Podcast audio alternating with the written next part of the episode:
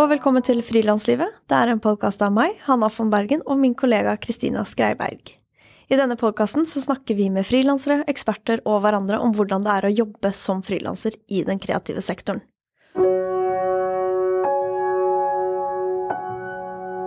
Denne episoden den er sponset av regnskapsprogrammet Fiken.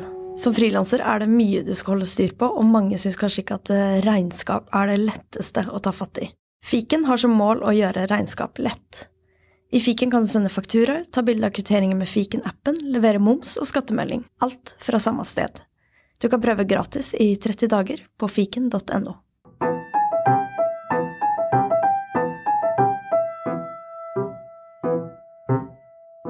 Dagens episode den skal handle om det å være en potet.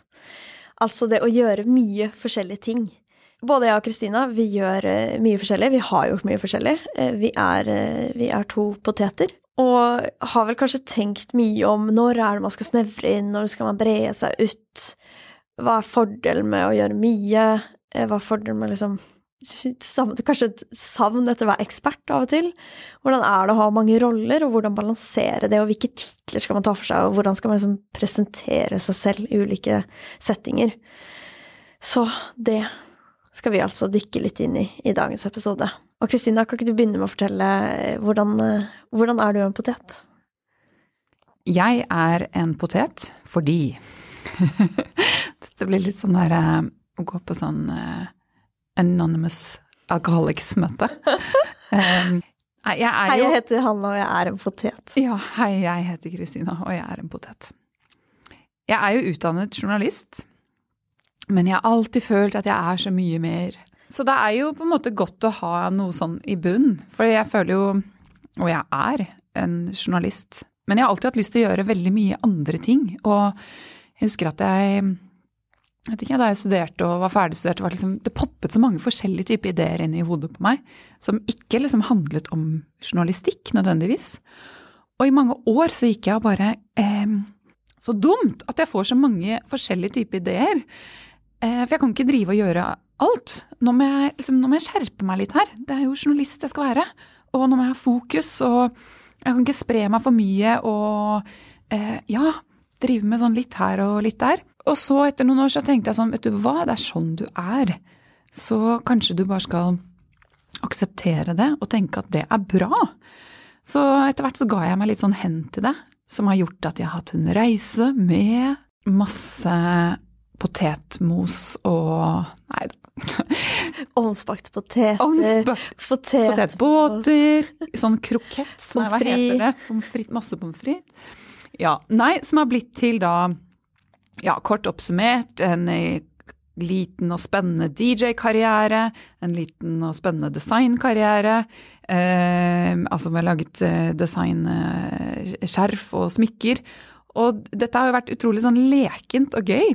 DJ-et i alt fra sånn Gambia til New York, og smykker solgt i København og i eh, London og i Oslo. Og, og, jeg har fotografert mye, har arrangert Pecha Kucha, startet podkast med deg osv. Gitt bok. Laget bok, hatt utstilling. Så det blir jo utrolig morsomt, men jeg tror jo det er mange som ikke helt føler, klarer å henge med på hva man driver med denne måneden.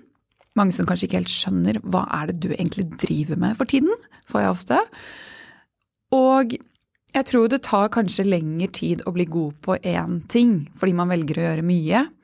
Og så tror jeg, eller syns jeg selv, det tar lengre tid før man skjønner at alt går sammen opp i en høyere enhet. Og der føler jeg at jeg begynner å komme nå, da. At jeg får glede av alt i alle prosjektene. Og det her skal vi snakke om. Eh, det kan komme tilbake til litt den synergieffekten. For det er det beste med å være potet. Ja, og det er det man kanskje innser etter hvert, men det kan vi komme tilbake til. Ja, fordi prosessen kan være ganske frustrerende. Mm. Og man føler seg litt sånn schizofren, litt sånn Her skal det wow, wow, wow, wow. Sånn pingpong i hodet, på en måte. Mm. Ja, veldig. Mm. Hva med deg? Ja. Jeg har jo Jeg har bare endt opp med å si at jeg jobber med å lage kultureventer. Fordi det jeg var sånn, ok, Hvis jeg tar en paraply, hva er oppå den paraplyen, og hva er oppå den paraplyen igjen? Hva er den øverste paraplyen jeg kan holde? Det er liksom kultureventer, som en slags sånn fane. Men jeg har jo på en måte vært produsent, prosjektleder, koordinator. Jeg har lagd mye egne prosjekter og jobba mye med liksom kuratering og konseptutvikling. I podkasten så er det en helt annen rolle enn det jeg har som bookingansvarlig. Eh, jeg har holdt på veldig mye med musikk.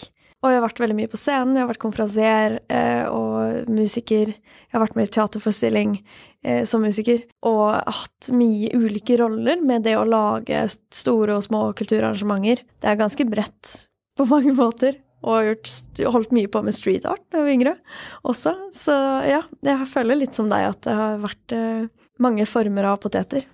Og det der med å Eller utfordringen kan jo være å vite hva man skal si når noen spør hva driver du med. Fordi å ta hele den regla som vi har tatt nå, kan bli litt, litt mye.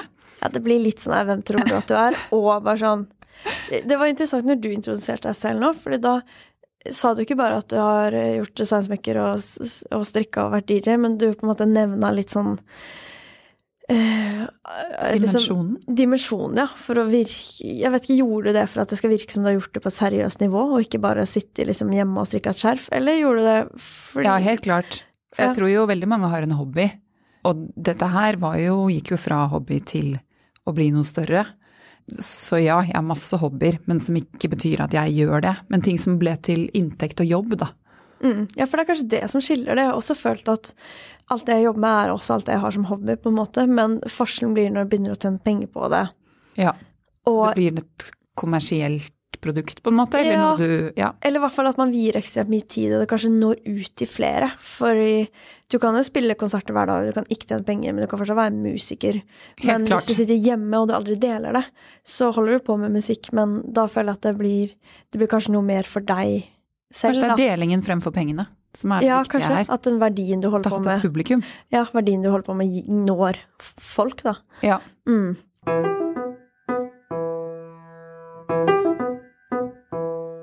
Det å finne ut hvordan man presenterer seg selv når man er en potet eh, Nå Jeg vet ikke. Jeg sier jo ofte at jeg er journalist, eh, og så tenker jeg sånn Kanskje de skjønner eh, at det er masse annet bak der, eller jeg bryr meg ikke så mye om de skjønner det eller ikke. Men jeg husker da jeg var nyutdannet og drev med veldig mye sånn lekenhet ved siden av, at jeg følte at det ble så feil å si eh, jeg er journalist. Fordi ja, det er det jeg kjenner at eh, jeg, jeg, er definitivt en journalist, og jeg har utdannet meg til det. Men jeg Det er veldig mange i journalistrollen som er veldig langt fra meg personlig. Som jeg ikke identifiserer meg med i det hele tatt. Så det å være frilansjournalist og kunne velge det frie livet er mye mer sånn forankret i meg enn Fordi det er et Det livet er så veldig mye Eller er så annerledes enn en som kanskje er nyhetsjournalist i VG, som går på jobben hver dag og dekker det som skjer, på en måte. Mm. Ja, man kan så, jo drive ja. med en rolle på veldig mange ulike måter. Jeg syns det er veldig vanskelig å komme til CV-en eh, min, fordi i hvert fall i kultursektoren når det gjelder eventer, så kan du på en måte ha Det kan være et ord på din rolle som står liksom på din Du har et engasjement hvor du er prosjektkoordinator. Det er ganske vanlig. Og så er det sånn, men det høres bare ut som man sitter og koordinerer litt. Men det kan jo i realiteten innebære liksom ansvar for kjempemange personer, eh, og på en måte ansvar for masse økonomi og eh, konseptutvikling og booking av folk, og det på en måte kan være som at du er prosjektleder. Så jeg har opplevd ofte i en rolle at om jeg er produsent, prosjektleder, koordinator, så kan de de høres veldig forskjellige ut, og det ser forskjellig ut på CV-en, men i realiteten så kan de være veldig like, da. Så jeg syns det er vanskelig også, at folk virkelig skal forstå hva man driver med, fordi det er litt sånn ullent, og titlene er litt ulne. Ja, og det der er jo en utfordring, fordi en Hva er en kopp for deg? En kopp er kanskje noe helt annet for deg enn for meg. eller, ja, eller, en prosjektleder. Ja, jeg tenker ja. produsent er et godt eksempel, for produsent er veldig forskjellig i ulike typer prosjekter. En produsent på en plate er kanskje noe helt annet enn en produsent på et event. Og det er på en måte ja, eh, interessant med de her titlene, som er veldig vanskelig når man gjør flere ting. Og i hvert fall i bransjer hvor det ikke er så rigid, og kanskje sånn man forholder seg til det på helt lik måte. Jeg tror veldig mye i din bransje med sånn prosjektleder, produsent, koordinator eh, er veldig sånn Det er ganske stort spenn bak de titlene der, så det er ikke, kanskje ikke så lett. Men det er jo et stort spenn bak en journalist og en fotograf og en uh, musiker òg. Ja, egentlig. det er det. Mm. Absolutt. Forhåpentligvis kommer man til intervju og får fortalt mer. ja, det er sant. Det er liksom hovedmission. Men så er det jo når man skal delta på noe, eller eh, det skal stå noe om deg et sted, så spør jo folk om disse titlene. For ellers så vanligvis tenker jeg sånn, er det så farlig? På en måte. Jeg gjør det og det og det og er lykkelig med det. Men, og det har vi snakket litt om sånn, for eksempel nå da, vi kommer med bok nummer to, og så kan man slenge på journalist, fotograf, forfatter. Men og det kjenner jeg sånn Nei, det blir litt mye. Det er ikke nødvendig heller. Og foredragsholder. Og coach. Og fore, ja. og altså Inspirational uh, teacher. Oh yes! Sjaman. Ja. Så eh, kanskje man eh, Kanskje man med fordel kan begrense seg noen ganger, da. Ja. Ja. Ja, men det syns jeg. Det bare sjaman? Ja, bare sjaman, ja. Helt enig. For alt annet blir helt useriøst. ja, men det er jo litt fare det her når Jeg merker det at uh, hvis jeg på en måte sier at jeg er det her og det her og det her, eh, så, blir jeg tatt litt sånn useriøst, eller folk skjønner ikke helt sånn ok, men hvilket nivå, eller Altså, det er noe med å også ikke legge så mye ego i det, men heller tenke på sånn Hva er det viktig at den personen du snakker med, oppfatter? Hva er det samtalen handler om, eller hva er viktig i den presentasjonen eller foredraget du skal ha? At du får som intro for at folk skal forstå innholdet du kommer med på best mulig måte. Ja, det er et godt poeng. Og da kan man jo ta fram ulike ting. Det som kan veksle, ja. Ja, men jeg tenker det er akkurat som du sender en CV da, til ulike arbeidsplasser altså for å søke om jobb. Og det er ikke sånn at du skriver med alt alltid. Du, du retter den CV-en til ok, det her er en sånn stilling, da tar jeg frem den erfaringen og liksom viser den enda tydeligere. Og så på en annen stilling så tar du en annen. Så ser det litt annerledes ut. Og det Helt sant. kan Ja. forholde seg litt Det er litt vanskelig på en hjemmeside, eksempel.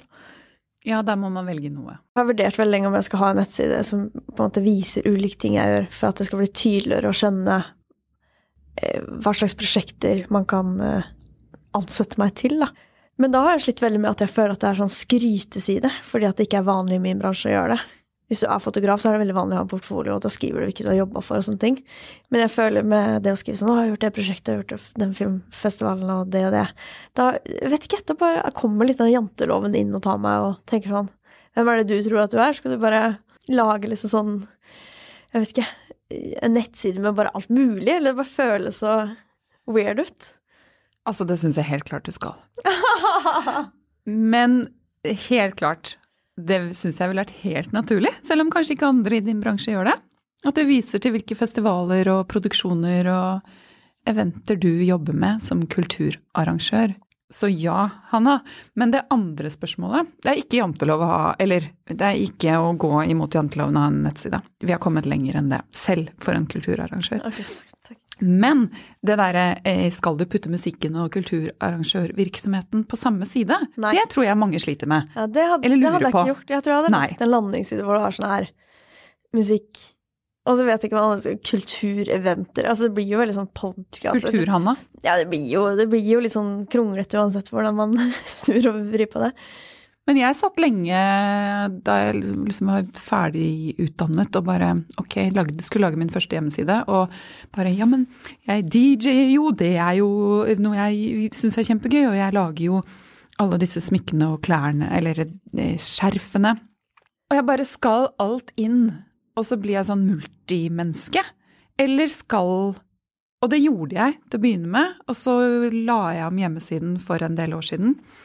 Og da lagde jeg Eller etter hvert så faste jeg det ut til at det var en for DJ-ingen fikk ikke sin egen, det har jeg slutta med òg, men en for designgreiene som lever litt sitt eget liv. Den har lagt ned nå, til og med. Og en som handler mer om fotojournalistikk, podkasten er innenfor der, eh, foredrag og Mm. Ja.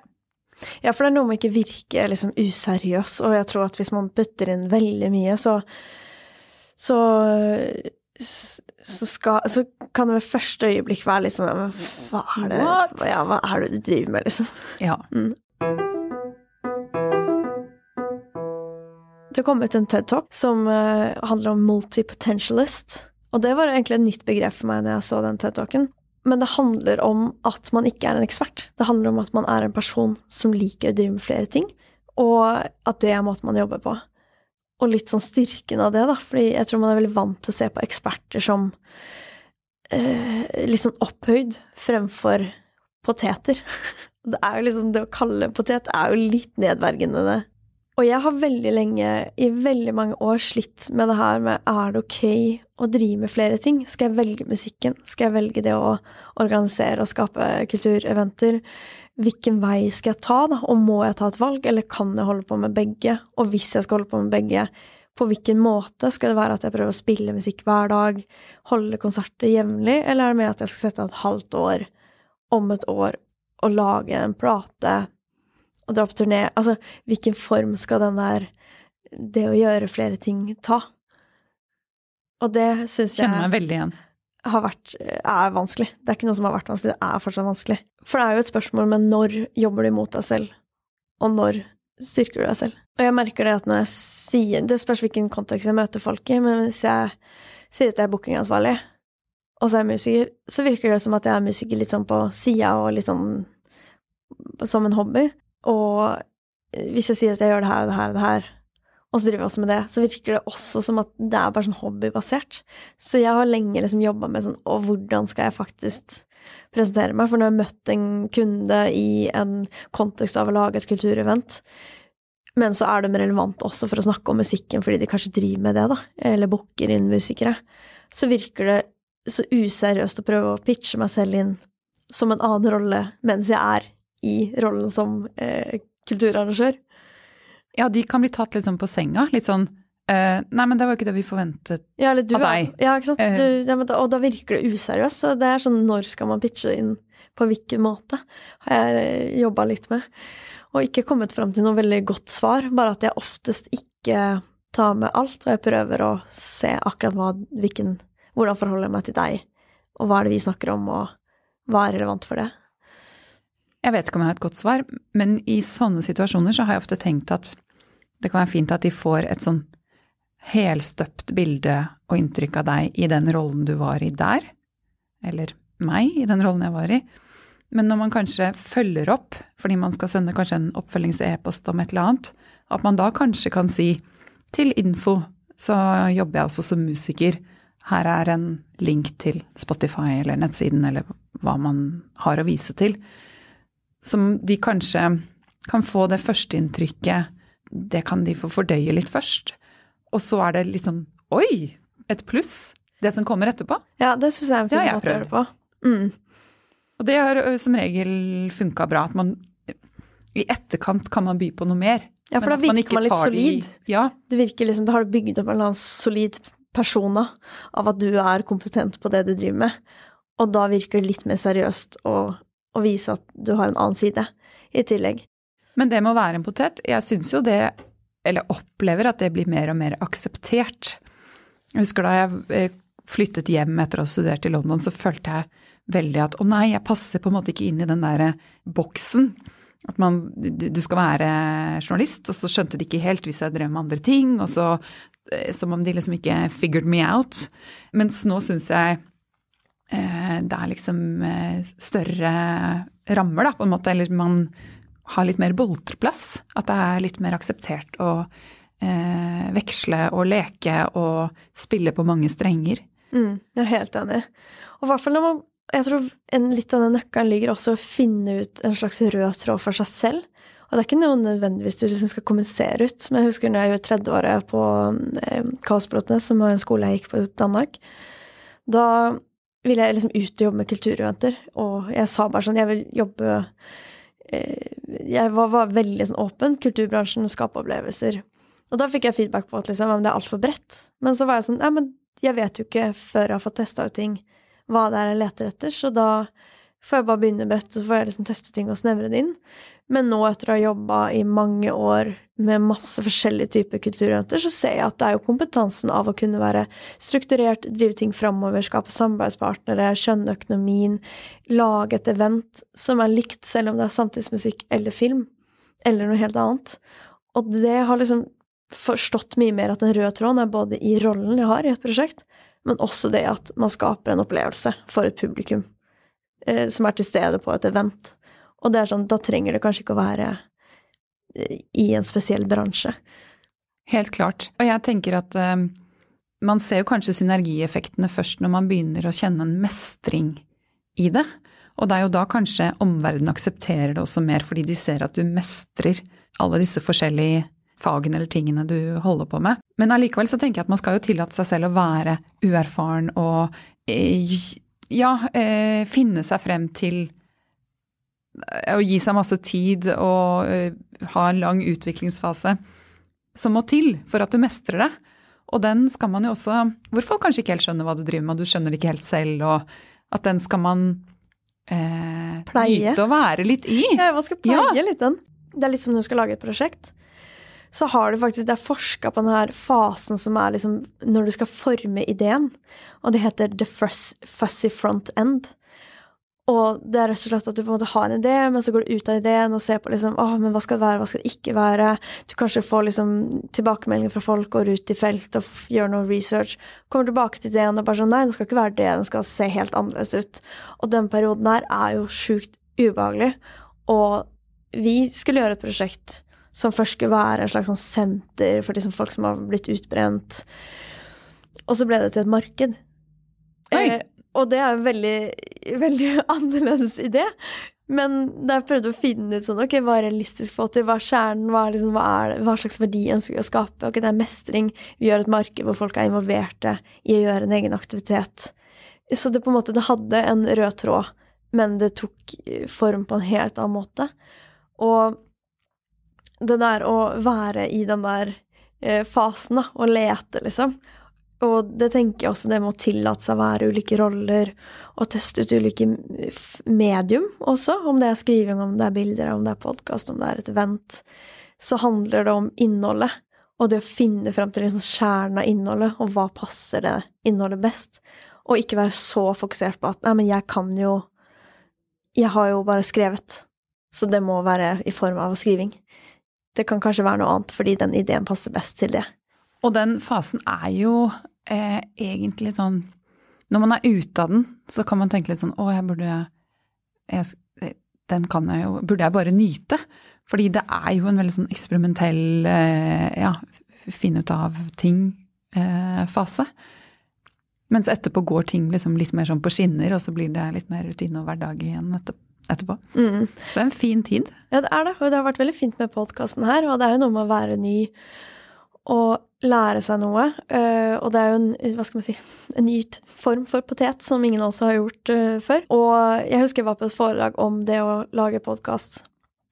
Og da var det litt sånn kritikk retta til det at folk lager podkast og tror liksom at det er så bra, og du må holde på liksom 35 år og skal gjerne være journalist først, og at det liksom, det er ikke bare bare å sette i gang, da, var på en måte hovedpoenget.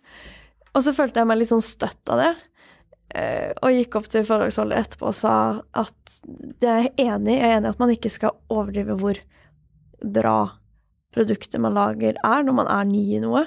Samtidig så er man jo ny i noe, og da eh, Hvordan skal du komme dit, da? Skulle vi lagd en podkast i, i stillhet og ikke gitt den ut i tre år, på en måte?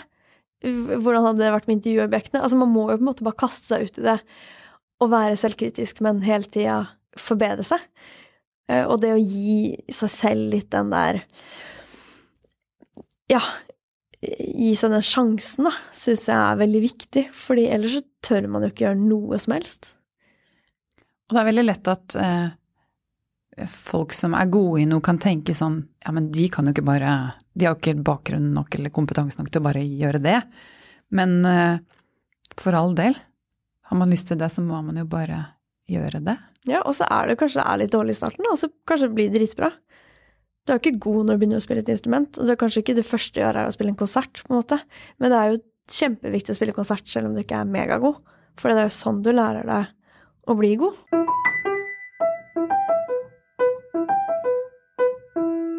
Det jeg kan like veldig godt med å være potet, er det der at eh, når jeg Eller at jeg kan veksle.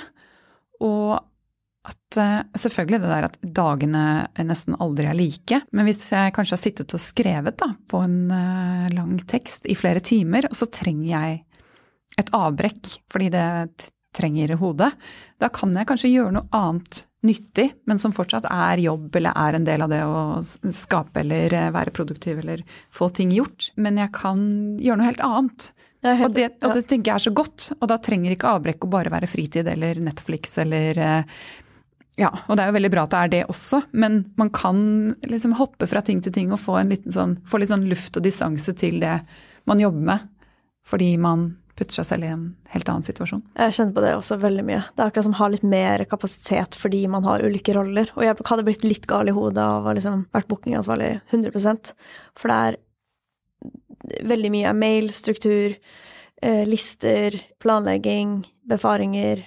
Det er veldig sånn, det inneholder noen elementer, da. Mens eh, podkasten inneholder noe helt annet. Det kiler liksom hjernen på, helt, på et helt annet sted. Og det er så viktig å kjenne at det gjør at man blir veldig investert i det man driver med. Og det er jo en synergieffekt som er skikkelig viktig, er det der at jeg blir skikkelig engasjert i det jeg driver med, fordi jeg får lov til å gjøre flere ting samtidig. Og jeg tror det gjør at jeg tør mer og, og har det mer gøy, fordi jeg ikke føler at det ene blir så viktig, og det å feile blir så skummelt, eller fallhøyden blir så stor, da. Fordi at man driver med flere ting, så man føler liksom Ok, men da er ikke den det her all verdens hvis det går på trynet, og da tør man liksom å gjøre det nesten bedre av den grunn. Ja, alt står ikke og faller på det ene prosjektet eller ene livsverket. Men sånn rent praktisk, kan vi ikke snakke litt om det, hvordan Altså, for man kan jo bli litt sånn ko-ko i hodet av å hoppe fra det ene prosjektet til det andre. Mm. Eh, sånn som med podkasten, så har jo vi fast dag på torsdager. Så det er jo veldig sånn ryddig og greit når man kan spare på ting til torsdagen og ta det da. Men samtidig må vi jo jobbe med ganske mange sånne ting som oppstår underveis. Og det kjenner jeg at det kan være sånn eh, viktig å avgrense tidslommene til denne dagen jobber jeg med dette, eller i løpet av en dag så disse timene gjør jeg dette, og så kanskje jeg gjør mailer, og da er det mailer om de tusen forskjellige prosjektene i løpet av de timene jeg sitter med mail, men det er greit, da blir hodet litt sånn suste. Og etter det igjen så kanskje er det to timer med et helt annet prosjekt. At man, jeg tror en form for struktur kan være litt viktig, da. Mm. Og det er, herregud, jeg har alltid blanda det så ekstremt mye. Jeg har prøvd å ha sånn 'Den dagen skal jeg bare jobbe med det her', og så har det bare aldri endt opp med å bli det helt. Men det er fordi veldig mye av det jeg jobber med, er mail. Og ikke så mye sånn 'nå skal jeg sette meg og skrive det her', eller jobbe med fokusarbeid. Da veldig mye skjer på mail. Og da har jeg noen ganger vært sånn Ok, skal jeg bare luke bort de her Jeg har et mailprogram som gjør at jeg har liksom fem ulike mailer oppe samtidig. Og det er liksom til et marked, det er til Petter Kutcha, det er til podkasten, det er til eh, eh, bookingansvarlig jobben og til musikk. Alt er liksom på ulike mailer, men i samme program. Og da har jeg noen ganger vært sånn Nei, nå jobber jeg bare med det her, og så får alt annet bare vente. Eller luka de bort sånn at jeg ikke kan se det. Og det har jeg også med sånn to do-program, at det ligger i ulike prosjekter. Så sånn når jeg jobber med podkasten, så sitter jeg ikke og ser på alt jeg må gjøre i, i de andre rollene. Da har jeg bare den liksom to do-lista som handler om podkasten. Smart. Det funker veldig bra. Ja. Men eh, det at eh, ikke alle ser på det som så veldig positivt å være potet altså, Man har jo det der uttrykket å være et renessansemenneske, da. Som jeg ser på som sånn utrolig eh, positivt, egentlig. Eh, et kompliment. Sånn som Michelangelo, som var eh, billedhugger og maler og ja, hadde mange strenger da, eh, men det kan, å spille på. Men det, det er kanskje et kompliment litt tilbake til det derre når du mestrer det. Det er da folk begynner å anse det som bra. Ja, hvis du er dritdårlig i kjempemasse ting. Får ikke mye kred da. Men så tar det jo lengre tid, og hvis du skal jobbe parallelt med mange ting, så kan det jo ta eh, lengre tid å komme til målet enn om du peiler deg inn på én ting. Ja, på en måte, men jeg tror man har underkommunisert veldig det her i Jeg husker når man gikk til sånn her veileder hvilken hvilken videregående skal du søke på? Og det var sånn Å, du er interessert i musikk, da skal du søke musikklinja. Ok, du, du vil bli kunstner, da skal du søke kunst, form og farge. Men jeg syns jo at virkeligheten er mye mer eh, Altså, de flyter mye mer inn i hverandre. Eh, fordi du kan jo være kunstner og være dritgod i gaming, på lyssetting i et spill.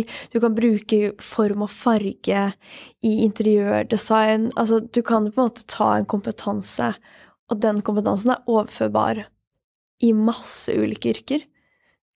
Og det kan nesten gjøre at du er bedre i et yrke fordi du får en spesialkompetanse fordi du bringer med deg det fra et annet yrke.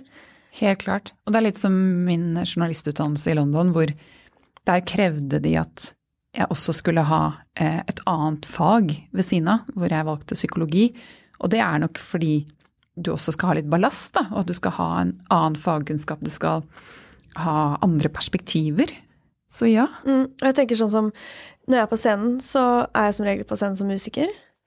Men så kan jeg også være konferansier. Og de to rollene har på en måte ingenting med hverandre å gjøre. Men samtidig så er det noe med at man er scenevant, som er kjemperelevant. Eh, så jeg føler jo at mye Man glemmer fort at ting er overførbart.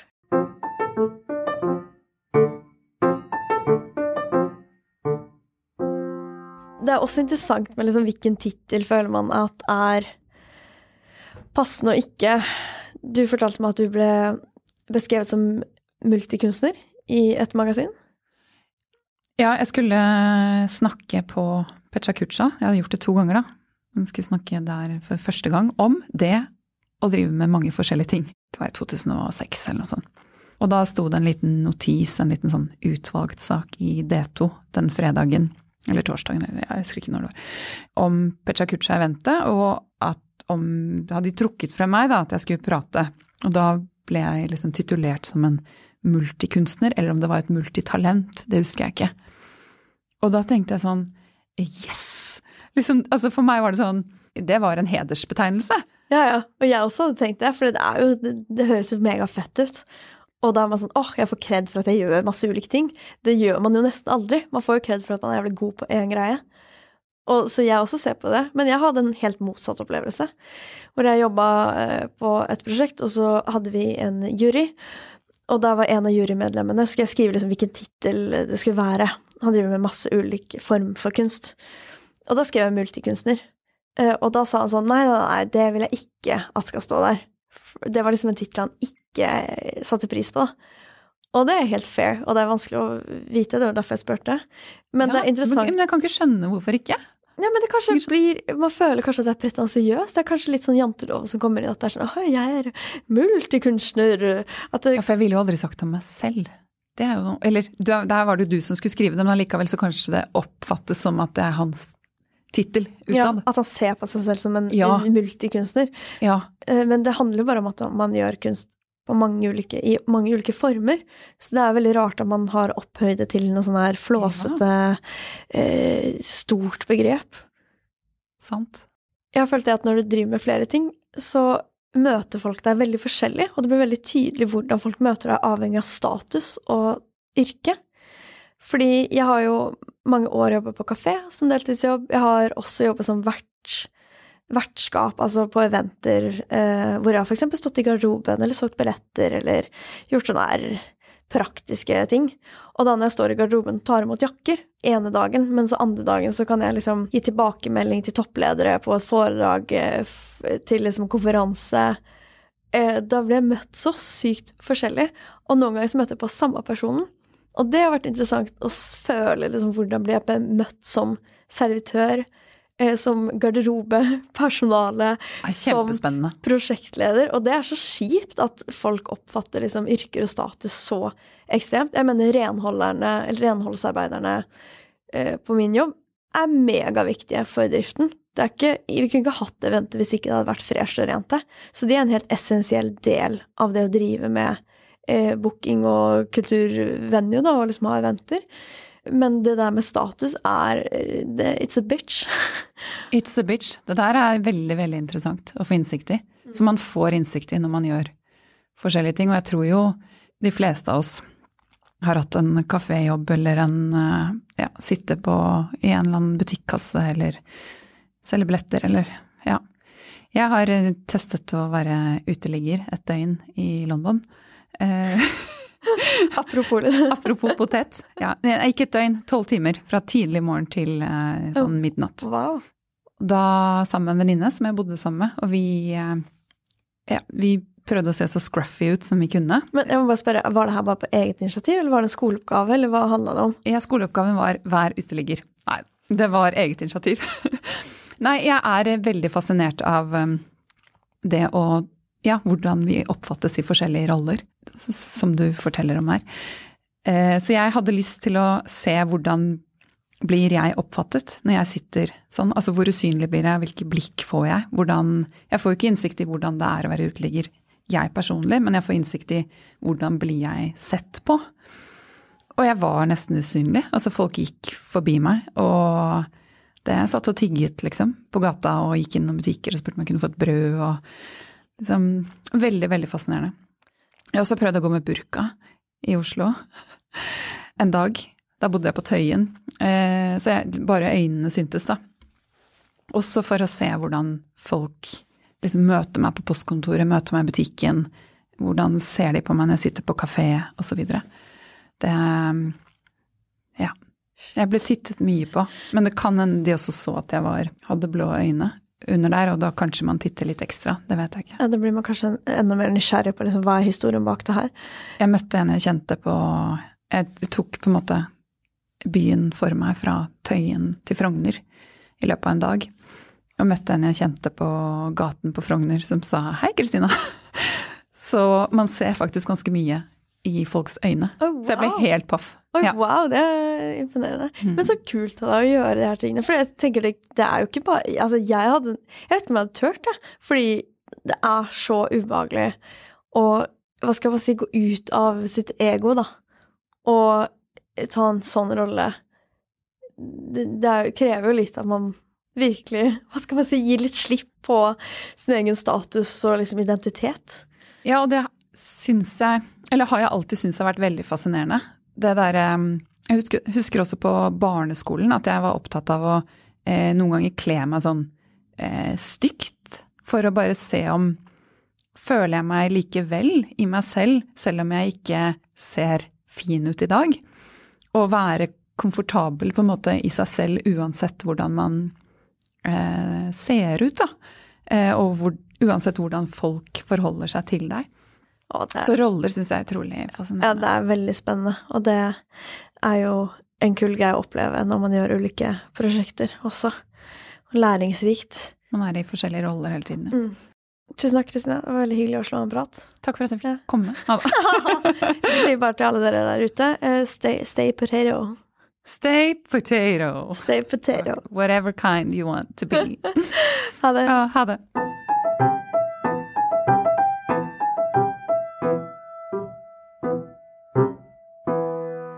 Tusen hjertelig takk til eh, Grafill, Kulturetaten og Fritt Ord for støtte til denne podkasten.